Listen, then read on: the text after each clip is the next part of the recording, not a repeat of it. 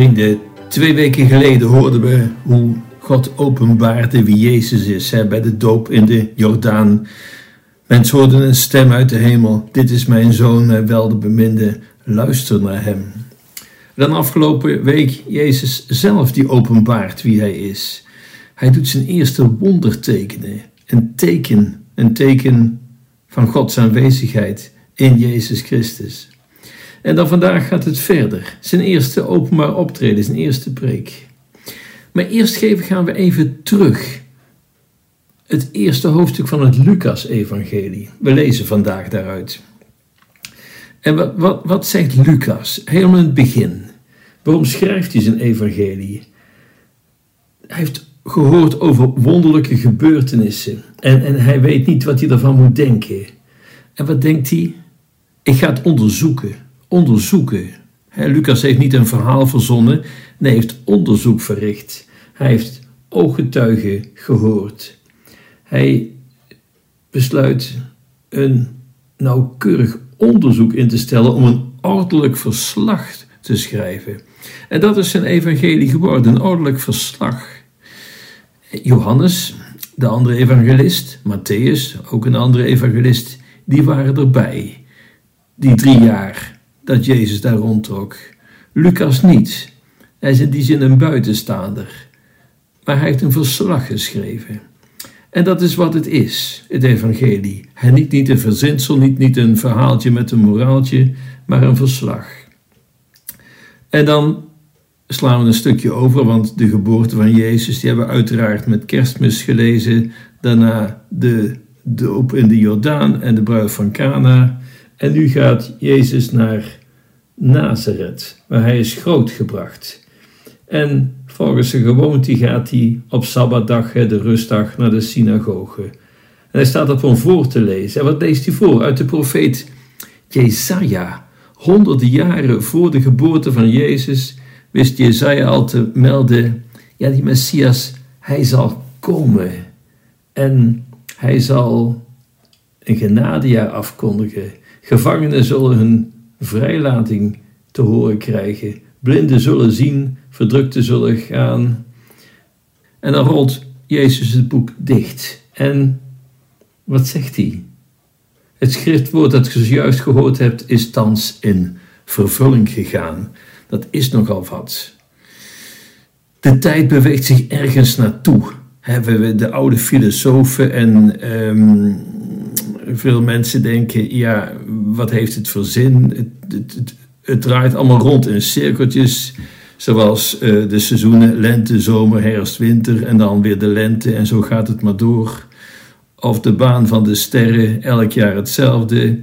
Het heeft geen begin, geen einde. Wat heeft het voor zin? Die bijbelse connotatie is heel anders. Het beweegt zich ergens naartoe, naar een doel. En dan maakt dat het zin heeft. En Lucas heeft het opgeschreven. Wat Jezus, wat hij van anderen gehoord heeft, wat er gebeurd is. Gebeurd, hè, voorgevallen, er is iets gebeurd. Veel mensen, ook eerlijke en serieuze mensen, en die hebben moeite om te geloven wat er in de Bijbel staat, wat Lucas heeft opgeschreven. Er zijn heel wat beschrijvingen waarvan mensen zich afvragen: ja, zou dit nou echt zo gebeurd zijn? Is het echt waar? Eerlijk gezegd kan ik me dat wel voorstellen, want het is ook nogal wonderlijk wat er allemaal staat. Niet zo gemakkelijk om voor te stellen of zomaar te aanvaarden. Lucas, hij is een van die boeken van de Bijbel. Maar er zijn heel veel boeken. De de Bijbel, Biblios, is eigenlijk een verzameling boeken, een bibliotheek. En misschien is het goed om te realiseren wat de Bijbel, die bibliotheek zelf, wat dat nou eigenlijk als geheel voor een boek is. Het is niet door één persoon geschreven, ook niet in één bepaalde periode. Het zijn vooral uitingen van geloofservaringen, die ergens op gebaseerd zijn, op reële gebeurtenissen. Misschien moet je de Bijbel wel op een andere manier lezen om het beter te kunnen begrijpen. De Bijbel is niet zozeer een geloofsbelijdenis die, die aanvaard moet worden. Het is eerder een taak die vervuld moet worden. Oftewel, er is werk aan de winkel. Dat is wat ook Lucas zegt. Maak, van Jezus, maak met Jezus van de wereld Gods wereld. Oftewel, laat ik het zomaar zeggen, help mee de Bijbel waar te maken. Jezus deed dat ook, wat Jesaja had voorspeld. En we hoorden dat in de eerste lezing vandaag. Dat heeft Jezus waargemaakt. Jezus zelf is niet geïnteresseerd in allerlei theorieën. Grote menig, mensenmenigte die luisterden naar hem. En ze deden dat graag. En in grote getalen kwamen ze naar hem toe. Hij sprak andere taal. Het was authentiek. En volgens mij ging er niemand met koppijn naar huis vanwege onbegrijpelijke hersenbrekende theorieën. Nee, degene die aan hem vraagden stelde, kregen praktische antwoorden die uitvoerbaar waren in het leven van alle dag, in de echte wereld. Ik zeg niet dat het makkelijk is, maar het was mogelijk. Jezus had dus gezegd dat het op twee dingen aankwam. Hou van God, hou van de naaste. Doe dat en je vervult alle geboden. Een van de toehoorders, die wilde toch meer van weten, stelt dan vervolgens de vraag: met mijn naaste, ja, wie is dat dan? En dan vertelt Jezus een verhaal als antwoord over een man op reis naar, van Jeruzalem naar Jericho. Hij wordt overvallen, in elkaar geslagen en bestolen. U kent het verhaal van de barmachtige Samaritaan.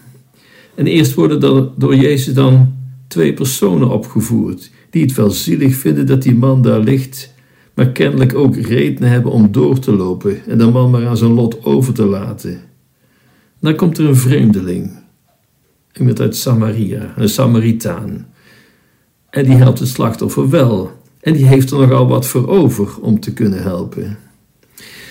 Oké, nu kun je natuurlijk allerlei theoretische vragen opwerpen, zoals over de lengte van de reis en de staat van de wegen. Was het wel echt een Samaritaan, een vreemdeling? Waar bevond zich die herberg en waar, eh, wat waren de tarieven? Ja, zo kun je eindeloos doorzeveren en veel mensen lezen en ontleven de, de Bijbel op die manier. En volgens mij zijn dat niet de juiste vragen. Het gaat om iets heel anders. En om dat ten overvloede duidelijk te maken, herhaalt Jezus de vraag van die man: wie van die drie mensen is de naaste van de overvallen reiziger? Wie heeft zich een naaste getoond? Nou, daar hoeft u natuurlijk niet over na te denken, dat is duidelijk. Het is een retorische vraag. De man die daadwerkelijk geholpen heeft. En dan zegt Jezus heel eenvoudig: ga en doe hetzelfde. Doe hetzelfde. Het is ook een manier van doen geloven, niet van mee eens zijn, maar ga aan de slag. Ga en help mee van de wereld Gods wereld te maken. En hoe dat moet is geen kwestie van raadselachtige theorieën en filosofieën, maar eigenlijk van doen wat voor de hand ligt. Van doen van dingen waarvan je eigenlijk al lang wel wist dat het goed is om te doen. Doe dat dan en verzin geen uitvluchten om anderen het maar te laten opknappen. Het is zinloos om over elk stukje evangelie, over elk stukje Bijbel oeverloos te gaan debatteren dat mag, dat kan nuttig zijn, maar het is een stuk zinvoller om mee te helpen waar te maken wat Jezus zegt. Natuurlijk is het zinvol om een lezing over bidden bij te wonen, zeker, maar bidden zelf is zinvoller. Natuurlijk kan het interessant zijn om een beschouwing over vergeving te lezen. Maar als je, jezelf, als je zelf niet van plan bent te vergeven, wat is het nut dan daarvan? Als het niet tot verdieping leidt en tot daadwerkelijk willen vergeven, dan is het slechts een theoretisch probleem dat nergens goed voor is. Maak het liever waar, zodat het leidt tot zegen van uw leven, van andermans leven. De vraag is: kunt u dat? Beter gezegd, wilt u dat? Zo niet, maak je dan niet druk over welke geloofskwestie dan ook want het is volstrekt zinloos. Zo ja, dan zijn we op de goede weg. Dan zijn een hoop problemen ook geen problemen meer en zal des te duidelijker worden waar het over gaat. Trouwens, de, de, de meeste kwesties waar we ons hoofd over breken, ja, die raken het leven, het dagelijks leven nauwelijks. De drievuldigheidskwestie, dat is ingewikkeld, dat is waar. De schepping ook, iets creëren uit niets. De wonderen, hoe kan zoiets? Allemaal dingen waar je eindeloos over kunt discussiëren en redeneren en debatteren. Want wie snapt zoiets?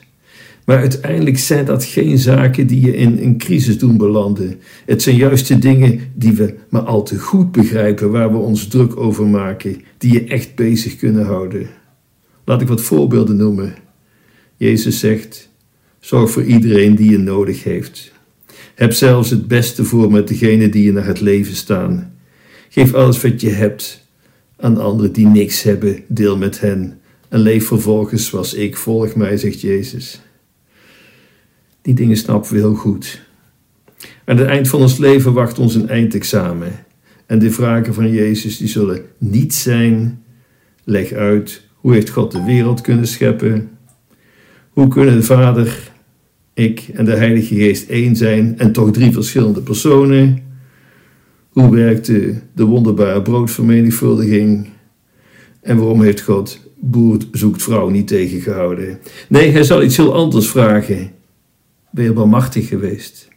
Ben je vergevingsgezind geweest? Ja, ook voor die lastpost. Heb je geholpen waar je maar kon? Ben je echt een naaste geweest voor al die mensen die je levenspad kruisten? Ben je trouw geweest in het gebed, in je huwelijk, in de sacramenten die je konden sterken om die dingen te doen? Maak u niet druk over theoretische kwesties. Maak gewoon werk van het geloof. Dat werkt en dat werkt aanstekelijk. Het doet jezelf en anderen goed. En dan snoer je al die theoretische criticasters de mond. Ook dat is meegenomen.